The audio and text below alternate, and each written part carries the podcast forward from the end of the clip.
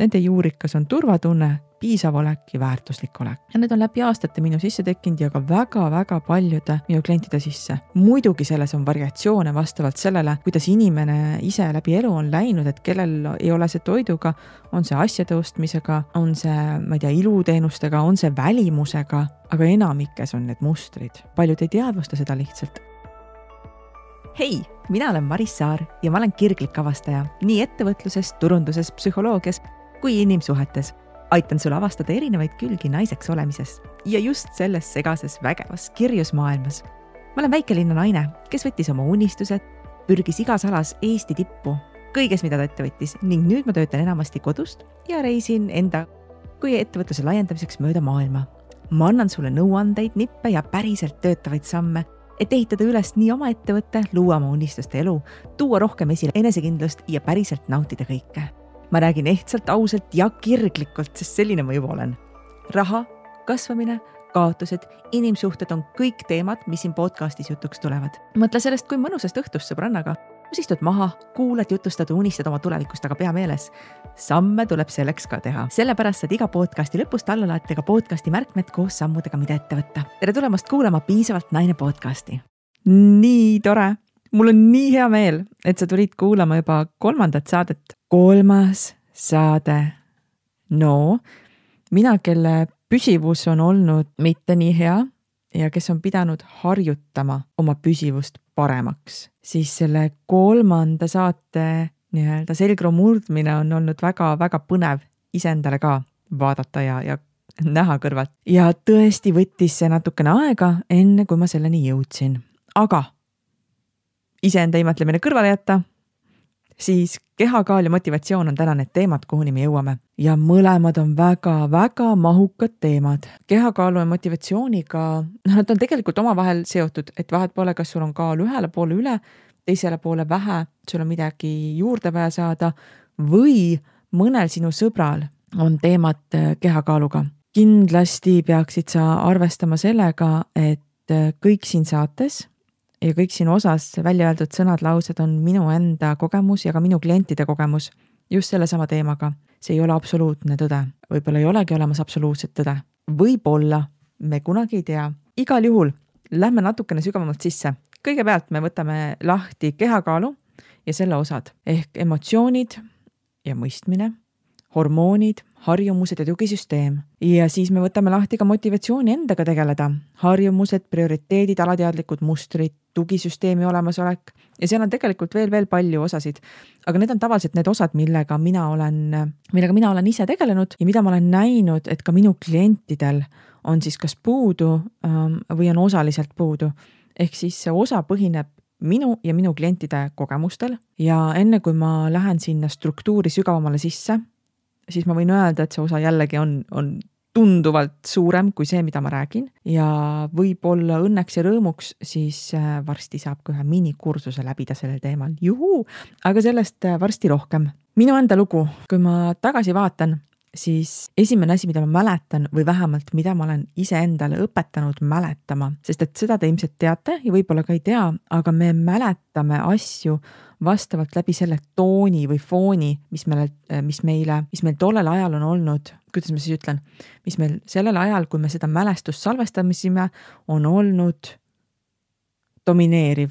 ehk siis, kui sa oled läbi tegemas näiteks kurba perioodi oma elus, siis on tõenäosus, et kõik sündmused, mis sa läbid sellel perioodil, salvestuvad kurva alatooniga sinu alateadvusesse, sinu mälestustesse, ehk siis sa mäletad ka sündmustest võib-olla neid kurvemaid osasid või iseenda tooni, et sa tundsid ennast sellel hetkel halvasti. ma ei oska seda praegu paremini nimetada kui tooniks. Vibe võib mõni selle kohta öelda ja võib-olla midagi veel. Kui sul on väga rõõmus periood käimas, siis sa muidugi mäletad neid rõõmsa perioodiga.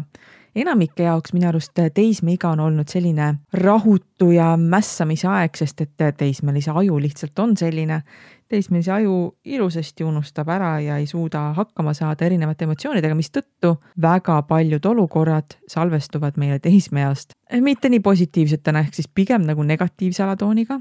Ja kõige ägedam on see, et kui hakata neid neutraalselt tagasi vaatama, siis sa tegelikult näed, et need perioodid ei olegi olnud nii kurvad, kui ma mäletan, vaid ma lihtsalt korjasin üles sellepärast, et selle negatiivse tooni sellepärast, et ma lihtsalt tundsin tollel hetkel ennast nii. Ja see oli intro sellele, mis ma kohe hakkan rääkima, sest et mina ise mäletan, et kui ma tagasi vaatan, siis minu mälu järgi oleks justkui olnud mina kõige suurem tüdruk klassis, kuigi ma olin tegelikult suhteliselt normaalse suurusega. praeguses võrdes ma kannaks, oleks kandnud suurust nelikümmend, ma arvan, kolmkümmend kaheksa, nelikümmend, sihuke ilus pirni kehakuju, aga kõik teised klassis olid saledad ja tõesti nagu sporditüdruku saledad, ka minu sõbrannad ja, ja keegi kunagi väga ei rääkinud oma, oma kehakaalu teemadest, vaid kõik hoidsid seda ilusasti vaka all, kui neil midagi oli. mina ka ei rääkinud, muidugi ma ei rääkinud, kes see teismelisena räägib, me räägime poistest ja maniküürist ja seksist ja kõigest muust, aga kehakaal, sellest väga ei räägitud. kui ma nüüd ausalt tagasi vaatan, siis ega ikka ei olnud nii küll tegelikult oli klassis ka kurvikaid naisi, aga nad olid siuksed nagu mõnusa vaibiga ja rahulikud ja nad ei lasknud sellel ennast häirida. Nad olid jumala ägedad. Aga minu jaoks, minu mälu jaoks, ma mäletan seda, et äh, mina olin, olingi suurem, kolmkümmend kaheksa, nelikümmend ei ole suurem, aga minu jaoks oli see piin, kuna kõik minu ümber olid saledad ja mina tahtsin sisse sobida, minu enda äng tollel ajal. Ja kui seda vaadata teise nurga alt, siis on aru saada, miks, mitte ainult teismelise aju pärast, vaid ka sellepärast, et kõik, mis minu ümber oli toimunud, see niimoodi minu sisse tuli. Ja see ei ole see koht, kus ma süüdistan, sest et ma siiralt arvan, et meil ei ole mõtet süüdistada. süüdistamine ei vii meid mitte kuskile. aga ma kasvasin üles niimoodi, et toit oli lohutus. eelmises saates ma rääkisin sellest, kuidas ma oma õega peitsin toitu ülesse kõrgele ja siis läksin seda välja tooma. Ehm, no need olid need mingid Snickersid ja Marsid ja siuksed väiksed batoonikesed. ja nii oligi. Me käisime neid näpsamas ja natuke näkitsemas, siis kui keegi ei näinud, siis kui neid vahepeal sai. eks ma olin kade ka, ma olin kõige vanem laps ja ma olin kade selle peale, kuidas teised said tähelepanu. Ja see kõik tekitas siukse ilusa baseline feeling või siukse nagu baastonaalsuse sellele, mis selle peale hakkas siis kasvama, ehk siis ma kasvatasin ilusasti alateadlikke mustreid selliseks ilusaks kombinatsiooniks, mis, mis tekitas minu sisse selle tunde, et ma ei ole piisavalt väärtuslik täpselt sellisena, nagu ma olen. ja toit on ainus lohutus, sest et ma nägin seda pidevalt, kuidas ema võttis alla, juurde, alla, juurde, alla, juurde ja toidust äh, tegelikult ta rääkis päris palju minu mälu järgi. võib-olla tema ise ei mäleta ja minu õde kindlasti ei mäleta seda. mina mäletan ka mu, kui ma olin natukene noorem, siis ma elasin üle ka vanemate lahutuse. ma tean, et äh, nende jaoks oli see teema kindlasti teistmoodi, aga mina olin see, kes äh, sai vahepeal lahutuspabereid viia muusikakooli ja siis ma lugesin neid läbi ja ma mäletan ka, kuidas kohtunik kodus käis, see oli nagu terve emotsionaalne virvarr seal taga, sest et äh, vanemad, ma arvan, nad ei osanud, ei tahtnud kommunikeerida välja seda, mis toimub, kuidas toimub, miks toimub, mis sellel ajal on toimumas, kuidas ma saan ühtena, kuidas, ehk siis ebakindlust oli väga palju. ja samal ajal oli mind toetamas vanaema ähm,. ta on kahjuks nüüd lahkunud, aga vanaema mm, muster ja tema enda elu juhtiv alateadlik muster oli see, et mina ja minu õde oleme ohvrid ja meile tuleb teha hea tunne sisse ja kuidas ta seda tegi? toiduga. ehk siis toit kodus oli niisugune suur teema, mille ümber kogu aeg oli, et kui palju tohib, kui palju ei tohi, mis on hea, mis ei ole friteeritud toit maitseb paremini, aga vahepeal on vaja terve periood juurikaid süüa, et selline nagu ma ei saa täpselt aru, mis toimub, aga see tekitas mõnutunde ja natukene ka sellise mustri, et äh, toiduga võib ennast ka vahepeal karistada. ma kohe jõuan sinnani. vanaema oli see, kes äh, läbi vanem, äh, läbi vanemate lahutuse perioodi ilusasti toetas mind ja toetas läbi selle, et ta viis mind muusikakooli, ta aitas mul äh, minna ringidesse ja mul oli alati olemas söök. paks viil leiba, paks viil võid, paks viil vorsti või sinki peal ja täisrasvane piim klaaspudelis. Uh.. meelega hingasin siin sügavalt sisse ja välja, sest et holy shoot, milline kombo on ju aga, aga see oli see, mis mind toetas tollel hetkel ja, sealt tuli see muster sisse, seesama muster, et toit on lohutaja. Ja hästi põnev on see, et, et kõik see on kokku tekitanud ju selle tund-, tunde, et ähm, toit võrdub rahulolutunne ja toit võrdub turvalisuse tunne. see on emotsioon mõnele on toidu söömine emotsioonide sissesöömine, mõnel on emotsioonide väljaelamine, mõnel on igavuse põletamine, aga väga paljudel inimestel, kes on ka olnud minu kliendid, ma tean, et toit on emotsionaalne heaolu. toit on midagi sellist, mis on alati olemas ja vahepeal on ka selline muster, et ma saan endale seda lubada. kellel on see ostu shoppamisega, sellepärast et noorena ei olnud piisavalt, no olgem ausad, me oleme eestlased, meil on päris huvitav minevik.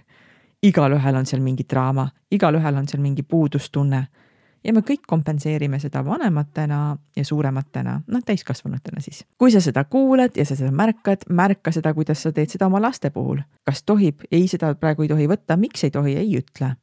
lihtsalt ei tohi, pead mind kuulama.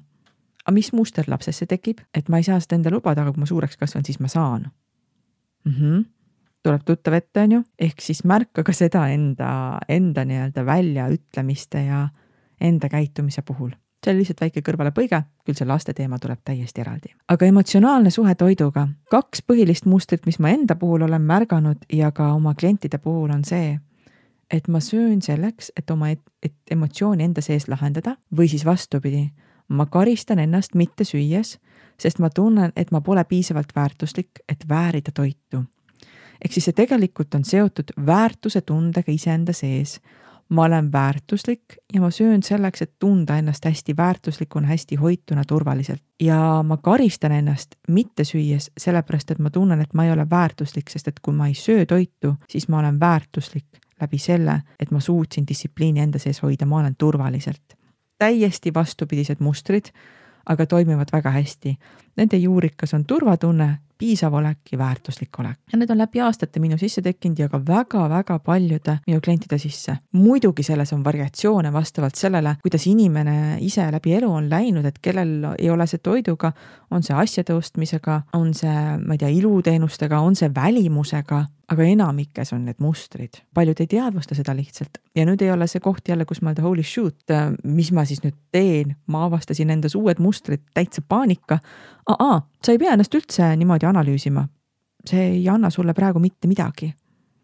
pigem vastupidi. kui sa näed seda mustrit, siis on jumala hea, sellepärast et sa teadvustasid seda praegusel hetkel, mis tähendab omakorda seda, et kui sa edasi lähed ja teadvustad seda endale järjest rohkem siis sa saad seda märgata ja peatada ja vot see on esimene samm. kui sa juba märkad, et sa pole kuu aega enda toitumist tähele pannud, oma emotsioone teadvustanud, trennis käinud, see on edupunkt, fantastiline, sa võtsid selle hetke ja märkasid seda. vägev.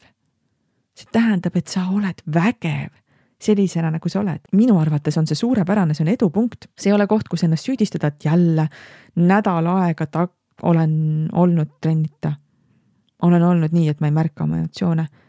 aga järelikult see oli puhkepaus. su ajul oli vaja praegusel hetkel natukene puhata selleks, et aru saada, mida sa teed ja miks sa teed ja kuidas sa edasi lähed. tähista neid edupunkte, et sa märkasid. ükskõik, milles sa teed, on see toitumises, on see milleski muus, minu arust need on tähistamist väärt ja see on järgmine teema. me ei pea tähistama toidu ja joogiga see on kultuuriline eripära, mis on meile Hollywoodi filmidest igalt poolt mujalt sisse toodud. et me tähistame vahuveini ja kui me sõltuvusteni kunagi jõuame, siis no kust tuleb äh, klaas veini päeva lõpus või šampus või tähistame koos alkoholiga. sa ei pea seda uskumust või harjumust võtma sisse, sa võid juua alkoholi, vahuveini, veini siis, kui sa tahad. kui sul selline tunne on, kui sul tahtmine on, mitte sellepärast, et tähistada, sa võid tähistada ka muud moodi, kallistusega Äh, journaling ehk siis üleskirjutamisega, pildi tegemisega, jalutuskäiguga, kinoga, peegli ees endale öeldes, et kuule, vägev, vägev, Maris, et sa nii tegid. noh, sina muidugi kasuta oma nime, on ju, aga, aga sinu enda valik, kuidas sa tähistad. ehk siis ka selle märkamine, et ma teen mingeid asju sellepärast, et teised nii teevad. ja see ei pea olema mässamine ühiskonna vastu, et ma ei tee seda sellepärast, et teised kõik nii teevad, vaid see võiks sinu enda motivatsioon ja sinu enda otsus olla. ma tean, et paljudel oli selline olukord, kui koroona tuli et kõik läksid ähm, kodukontorisse üle, olid lastega kodus ja siis avastasid, et oi-oi-oi, nüüd on nii palju teha, lastele süüa ja kui ei ole lapsi, siis ma ei tea, kaaslase, millegi muu eest hoolitsemine ja kõik ahvatlused, mis muidu olid läinud. enamikes töökohtades ei ole snäkke, mõnes on, aga enamikes ei ole, olid kõik nina all olemas ja enamik läksid paksuks, ütleme ausalt. ja ma ei mõtle seda kuidagi pahasti, mina ka mina ka võtsin juurde ja see on okei okay,, sest et kui on kõik kahvatlused juuremas, juures, eh, sa muudad oma harjumusi, sa muudad oma liikumisharjumusi. see on natuke sarnane brainwashing olukorraga. selleks, et inimene oleks brainwashed, on tal vaja mitut tegurit. kõigepealt tal on vaja toitumisharjumuste muutumist, siis tal on vaja keskkonna muutust, siis tal on vaja emotsionaalset muutust, keha ajukeemia muutust tuleb keskkonna kõige muu ah,, ja äh, tal on vaja ka veel alateadlikku töötlust ehk siis hirmu, mis tuli siis ähm, koroonaga seoses, on ju. on meil olukord Ukrainas suhteliselt sama, sama, mis äh, koroona, ehk siis see teeb kõik kehaga suhteliselt samamoodi, me lihtsalt pole enam toas kinni, vaid meil on valikuid natuke rohkem. ehk siis, kui sa tegid selle perioodi läbi ähm,, sa võtsid juurde, sa ei ole endaga rahul, ma mõistan ja kõik mõistavad, aga ma tahtsin, et sa saaksid aru, et see olukord, mis tekkis, tegelikult justkui ei olnud sinu enda süü, vaid you have been brainwashed on ju, sulle tehti põhimõtteliselt ajupesu. ehk siis see, mis su keha koges, oli kõik ajupesu. nüüd kõige toredam on see, et kui sa muudad keskkonda, sa hakkad oma alateadlikke mustreid muutma, sa hakkad oma harjumusi muutma, sa hakkad oma toitumist muutma, kõik see on teistpidi ajupesu, ehk siis sa teed iseendale uuesti ajupesu selleks, et sa saaksid midagi muud muuta sest et ähm, kui sa kuulad ja oled skeptiline näiteks hüpnoosi meditatsiooni osas ja mõtled, et see on ajupesu, ei ole. ajupesuks on palju rohkem tegureid vaja. hüpnoos on aitav viis ja hüpnoosil ei ole mitte mingit negatiivset mõju. halvemal juhul on ta lihtsalt mõnus lõdvestus, aga hüpnoosiga me ei saa kontrollida mitte kedagi teist, vaid hüpnoosis inimene ise on kogu aeg kontrollis, on kogu aeg juhtimas. et ta on lihtsalt lõdvestus ähm,, lihtsalt osa sinust endast, mis lõdvestub.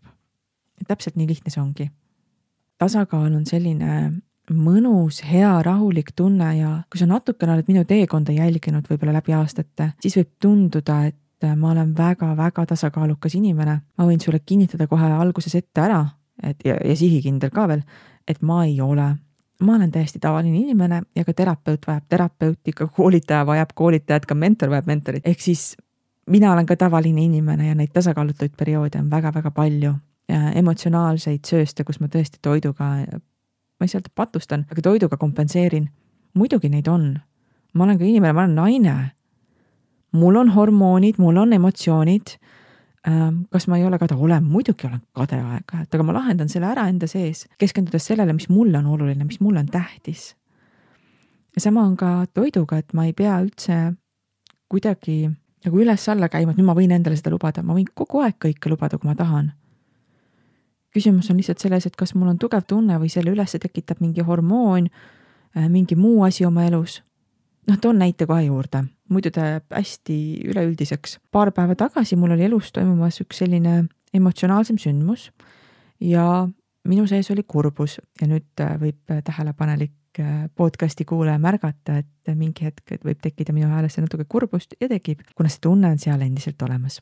ma olen hästi ehes, ma olen hästi aus ja kõik, mida ma tunnen, on tegelikult hääles ära kuulda ja, ja mul on praegu silmad märjad.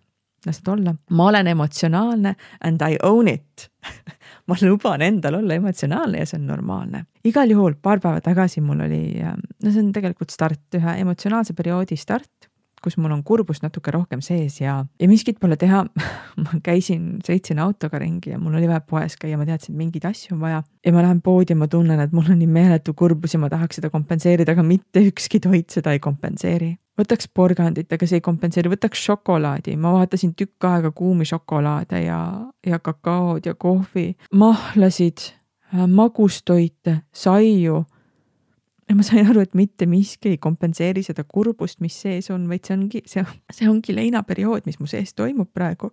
ja see on okei okay., on täiesti okei okay kogeda leinaperioodi enda sees.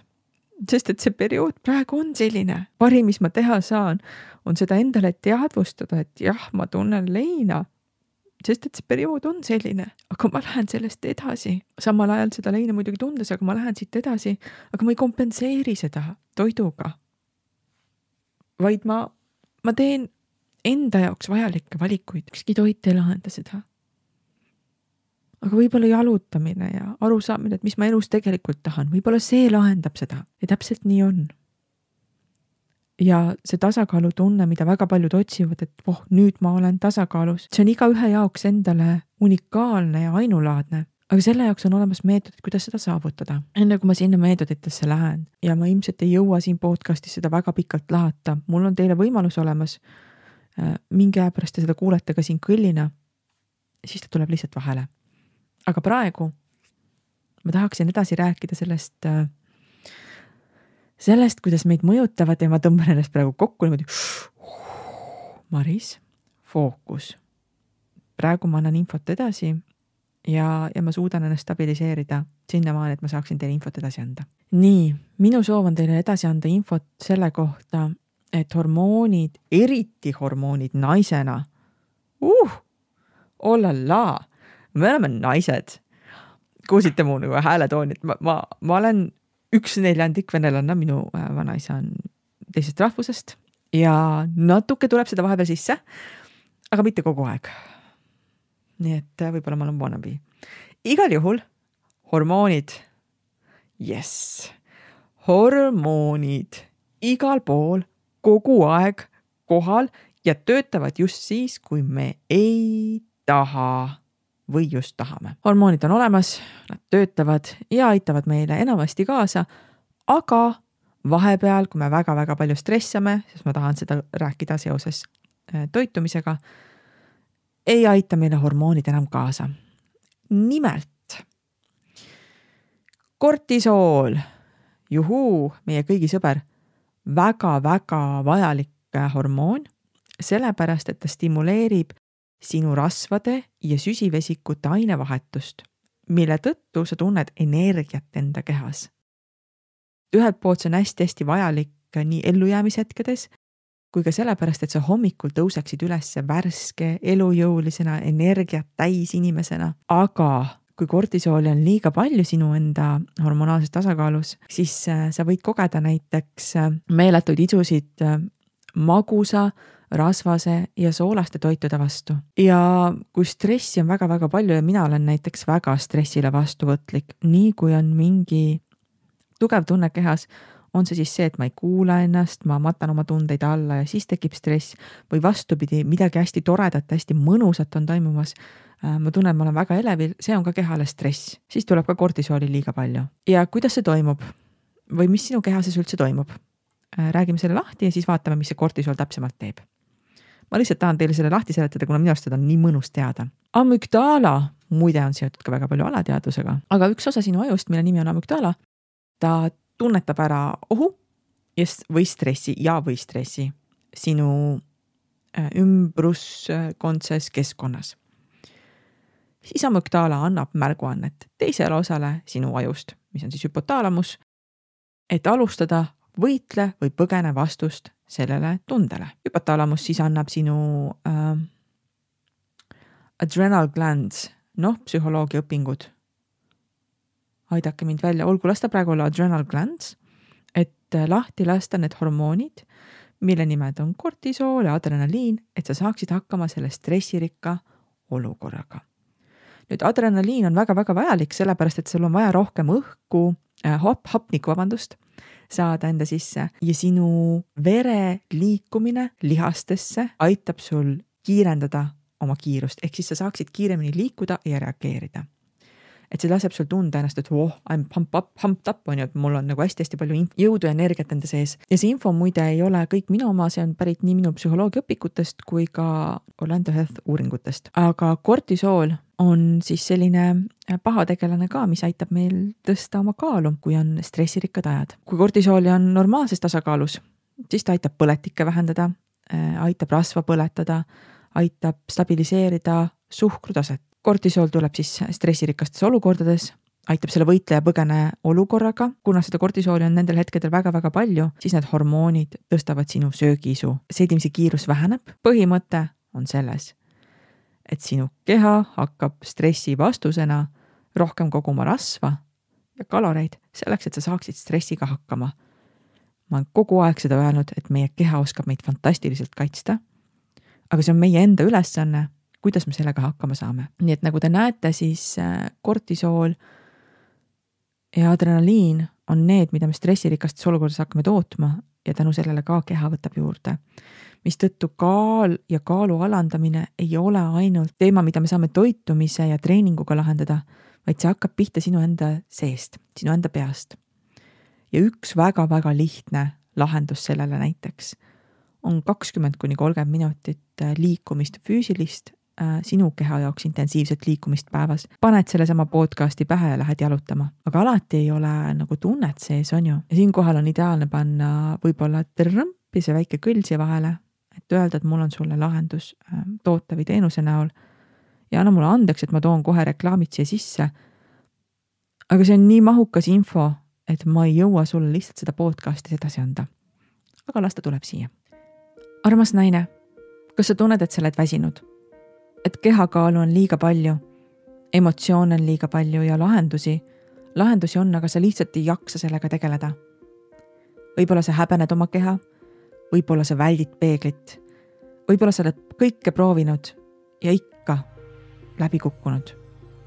võib-olla sa lihtsalt ei suuda järjepidev olla ja see kõik on okei okay. ma tahan, et sa teaksid, et sul on olemas lahendus. lahendus, millega sa saad ennast enda kehas hästi tunda, sa saad tunda ennast enesekindlalt sa saad tunda ennast tervislikumana ja sa saad tunda, et sa ise juhid oma keha, oma elu täpselt nii, nagu sa tahad. ja mul on sulle väike miniprogramm, see kestab neli nädalat ja see on selleks, et sa õpiksid enda mõtteid alateadlikult juhtima. selle sees on neli lindistust, kolm lindistust sellepärast, et sa saaksid õhtuti või päevasel ajal enda mõtlemist, mõtteid muuta. see on meditatiivne, hüpnootiline lindistus mida saad lihtsalt rahulolekus kuulata või panna taustaks mängima, kui sa tegutsed. ideaalne oleks kuulata seda õhtuti, kui sa hakkad magama jääma, aga kui see ei ole võimalik päevasel ajal, on ka okei okay.. ja üks lindistus on selleks, et sa jalutamise, liikumise ajal saaksid edasi minna mõnusalt. muide, see on kõik eelpakkumine, see kursus alustab aprilli alguses ja kui sa paned ennast eelpakkumisele kirja, siis ma annan sulle ka tasuta kaasa kaks viie minuti meditatsiooni. üks on mõeldud nendele, kes nimetavad ennast laiskadeks, kuigi tegelikult sa ei ole kunagi laisk. sul on lihtsalt muud asjad rohkem prioriteetsed, see on okei okay.. aga see lindistus on just sulle, selleks, et sa tõuseksid püsti ja läheksid liikuma. ja teine lindistus on selleks, et sa rahuneksid maha ja lõdvestuksid, sest et mõlemad on tegelikult päästikud selleks, et sa istud maha ja hakkad ilusasti rahulikult näksima teleka ees või jätad trennimineku ära, hakkad ennast veenma, et sa ei viitsi. me elimineerime needsamad tegevused just nende viieminutiliste meditatsioonide abiga. ehk siis kuus lindistust on selle neljanädalase programmi sees. sina saad need endale võtta, kui sa lähed marissaar.com kaldkriips naine lehele. see on marissaar.com kaldkriips naine. selleks, et sa tunneksid ennast enda kehas hästi, et sul ei oleks enam näksimisi, et sa ennast enam ei süüdistaks, vaid sa oskaksid ennast alateadlikult mõjutada. ma tegin selle kõik sulle sellepärast, et sedasama programmi, neid samu samme on läbinud sadu naisi ja neil on meeletud edulood seal taga, sest et see kõik töötab mõttetasandil ja see kõik saab sind aidata. kohtume marissaar.com kaldkriips naine lehel, oleme kõik väärtuslikumad, enesekindlamad ja vägevamad naised, terved oma kehas, täis enesekindlust ja naudingut. nüüd tulles tagasi, siis piisav magamine, liikumine kakskümmend, kolmkümmend minutit päevas, kofeiini ja alkoholi vähendamine on lihtsalt ühed viisid. lisaks kõigele muule on meil ka olemas ju alateadlikud mustrid, juhuu. ja see on jälle minu enda eriala, nagu te teate, ähm, võib-olla võib siin numbritega natukene uhkustada üle kahe tuhande erakliendi, tõesti, neid on palju-palju rohkem. I just stopped counting. Äh, väga palju ettevõtteid, väga palju grupikoolitusi. Ja eks see kehakaal on saanud vist viimasel ajal minu enda sõbraks ka tahaks isegi öelda sõbraks, sellepärast et ma näen enda keha peal, kuidas see muutus on toimumas. ma ei rääkinud teile enne, aga kahe kuuga tänu sellele, et ma läbisin ühte, noh, ma olin, ma ei olnud kehaga rahul, ma olin, ma arvan, et ma olin mingi seitsekümmend midagi kilo, äkki seitsekümmend kaks, seitsekümmend neli, kuuskümmend kaheksa olin vahepeal, ehk siis kuskile sinnakanti, kuuskümmend viis isegi olin ühel hetkel.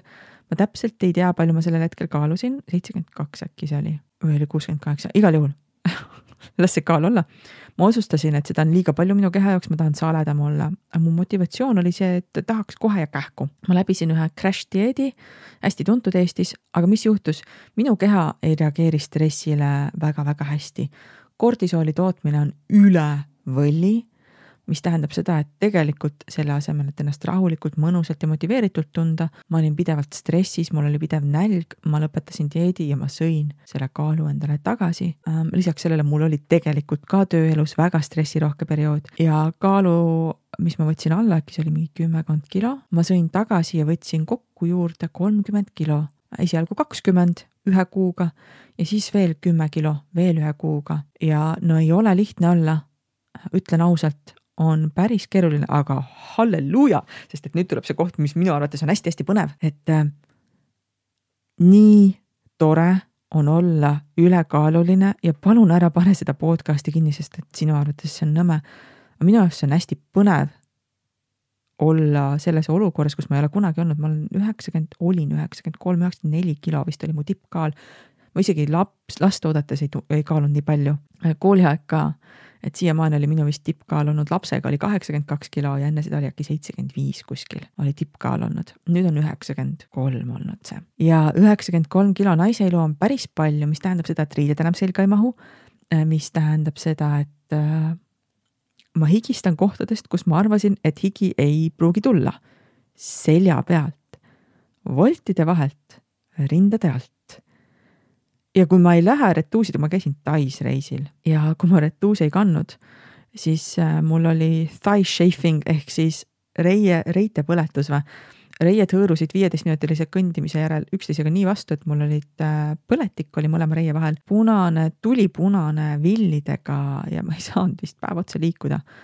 Jalad laiali, sain ringi käia ja läksin basseini ujuma, sest see oli ainus koht, kus ma sain liikumist natukenegi teha. edaspidi kandsin muidugi retuuse. Ja, ja retuuside kandmine pluss see, et äh, ma hingan kogu aeg niimoodi.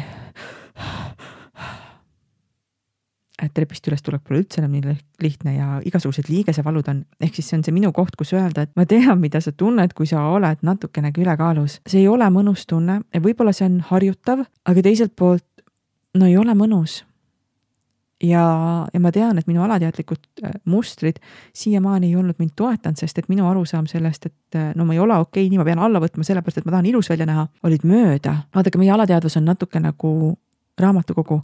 kõik, mis me elu jooksul kogeme, kõik need minu lapsepõlve mustrid on lihtsalt niisugused suured tuumikraamatud, mille peale ma olen siis läbi elu koge-, kogunud selliseid pisikesi ajakirjakesi ja lõpuks nad on kokku koos nende ajakirjadega tulnud ühe suur, üks suur nii-öelda mustrite raamat näiteks kehakaalu kohta. ma ei ole praegu ilus, äh, aga ma söön vähem ja treenin rohkem selleks, et olla ilus. no how forked up see on, on ju. ei ole loomulik, tegelikult ma olen praegu ilus aga ma tahan alla võtta sellepärast, et ma tahan ennast kergemini tunda ja selle jaoks on olemas viisid. just nii, vot see on hoopis teine tunne, mille pealt alustada, mitte see, et ma kõnnin peeglist mööda kähku, ma jumala eest ennast ei näeks või meigin ennast hästi tugevalt ära ja panen ilusad riided selga, sellepärast et ma saaksin varjata oma keha. no see ei ole okei okay.. okei okay on juba praegu ennast okei okay tunda. ja meie alateadlikud mustrid kõik mu mõjutavad seda ja mõjutavad ka seda negatiivset tunnet, et ma ei taha endaga tegeleda see on kõik mõjutatav läbi hüpnoosi, läbi meditatsiooni ja see reklaam, mis te enne kuulsite, selles programmis on kõik see olemas, sest et ma ei jõua teile podcast'is kõike edasi anda, aga ma proovin anda nii palju samme, kui ma saan. aga selleks, et ma saaksin individuaalselt abi anda, jah, ma tegin selle programmi. ei, ma ei tunne ennast kehvasti, sest et ma tean, et need teadmised ja kogemus, mis mul on ja ka praegu seda ise niimoodi läbi tehes, ma suudan täielikult mõista. sa võid mõelda, et aa, vot mul on pika aja jooksul tulnud, et see ei ole sama. aga kuidas see ei ole sama? See, et sa oled saanud harjuda selle olukorraga, jah, ma saan aru. ma olen saanud ka nüüd viimased kaks kuud, kui mul see kaal on olnud, harjuda selle olukorraga ja harjutada ennast välja.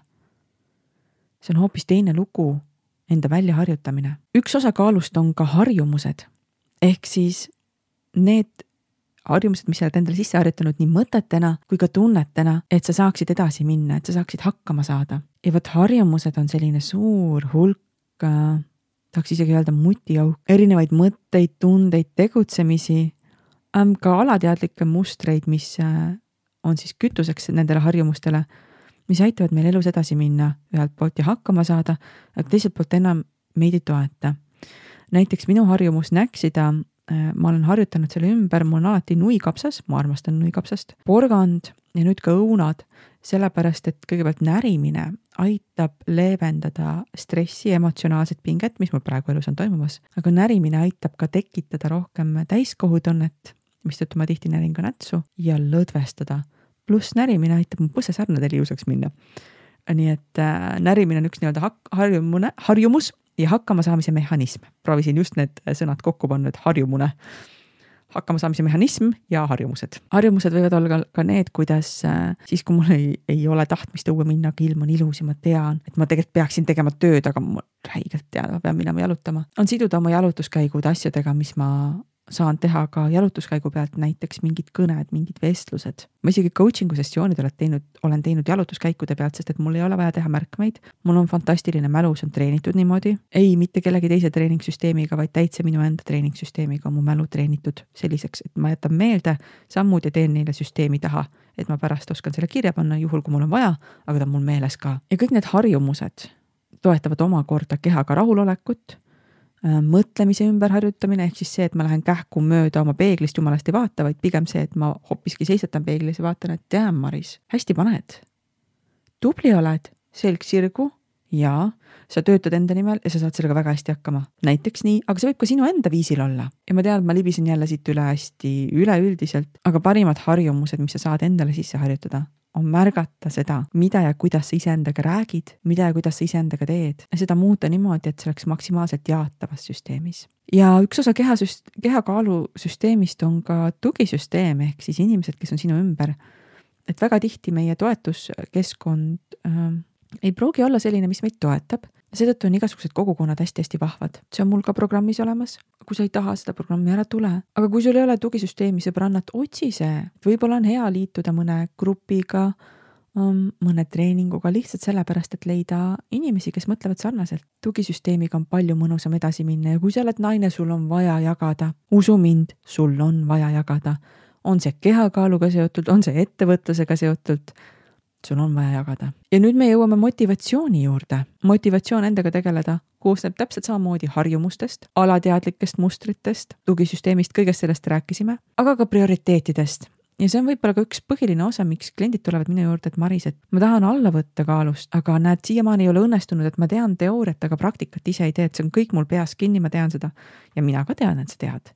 ma olen ise samas kohas olnud aga kui sa ennast alateadlikult ei mõjuta läbi erinevate sammude, kui sa harjumust ümber ei tee, näiteks äh, selleks, kui sa tunned, et sa ei taha õue minna jalutama, aga sa hoopiski sead endale mingi eesmärgi, et ma jalutan sinna ja tagasi ja see aitab sind või paned hea podcast'i või muusika mängima. kui sa seda ei tee ümber ei harjuta, no ega ei saa tulla see tulemus ka. ja prioriteet iseendaga tegeleda võib olla ei ole see sinu kehakaal kõige tähtsam osa sinu elus. võib-olla on see hoopiski tööalane kasv, võib-olla see on sõprade leidmine või tugisüsteemi loomine, võib-olla kõik see on enne seda. ehk kehakaal ei ole prioriteet number üks. ja nüüd sa pead sellest aru saama, et iga osa, kuhu sa paned energiat, tunnet, mõtet taha, on midagi sellist, mis võtab sinu päevast osa energiat ära ütleme, et sa oled iseenda tööandja ja üks osa sinu päevast läheb arvetega tegelemisele, üks läheb kirjadele vastamisele, üks läheb sotsiaalmeediaga tegelemisele, üks läheb strateegiliste sammudega tegelemisele, üks läheb lapsega tegelemisele, üks läheb toidu tegemisele.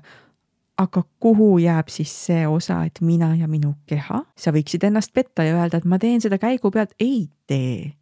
ega sa ikka ei tee küll, kui sa ei ole võtnud seda endale, et nii vot selle osa päevast ma tegelen nüüd endaga ja oma kehakaaluga. see on otsuse koht, see on sisseharjutamine ja jah, seda saab hüpnoosi meditatsiooniga mõjutada.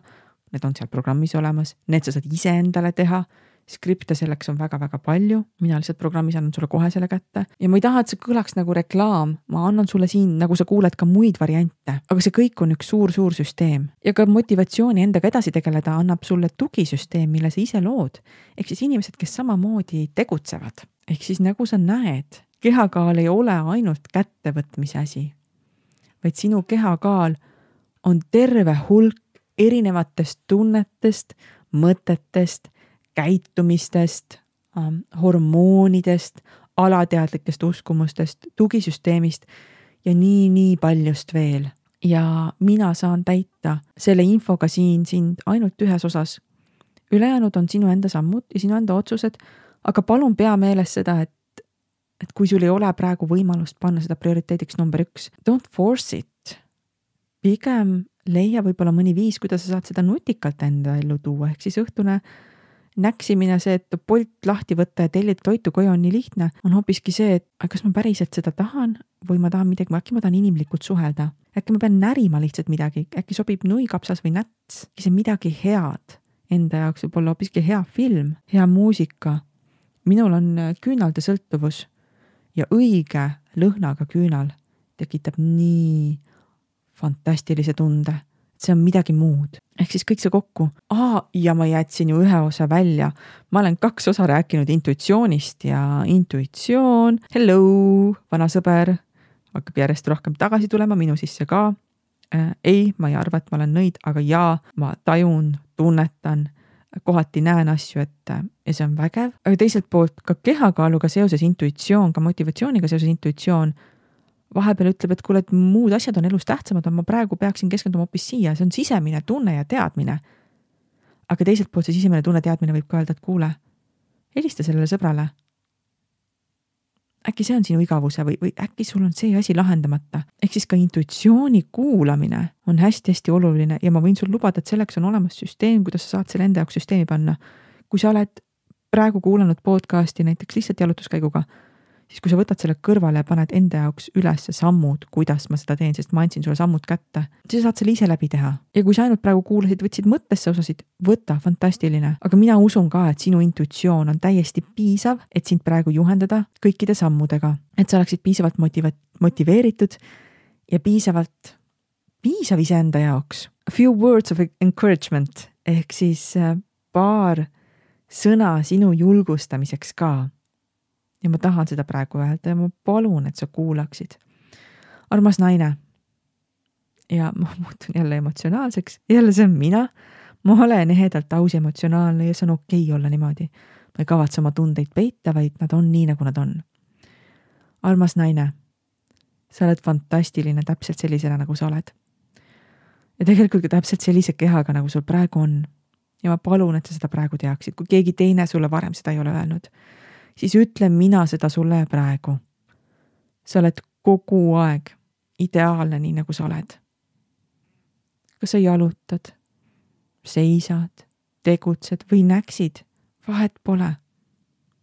kõik sinu otsused on toonud sind siia punkti, just nüüd ja praegu. ja see on sinu koht, otsustada, mida ja kuidas ma soovin edasi teha.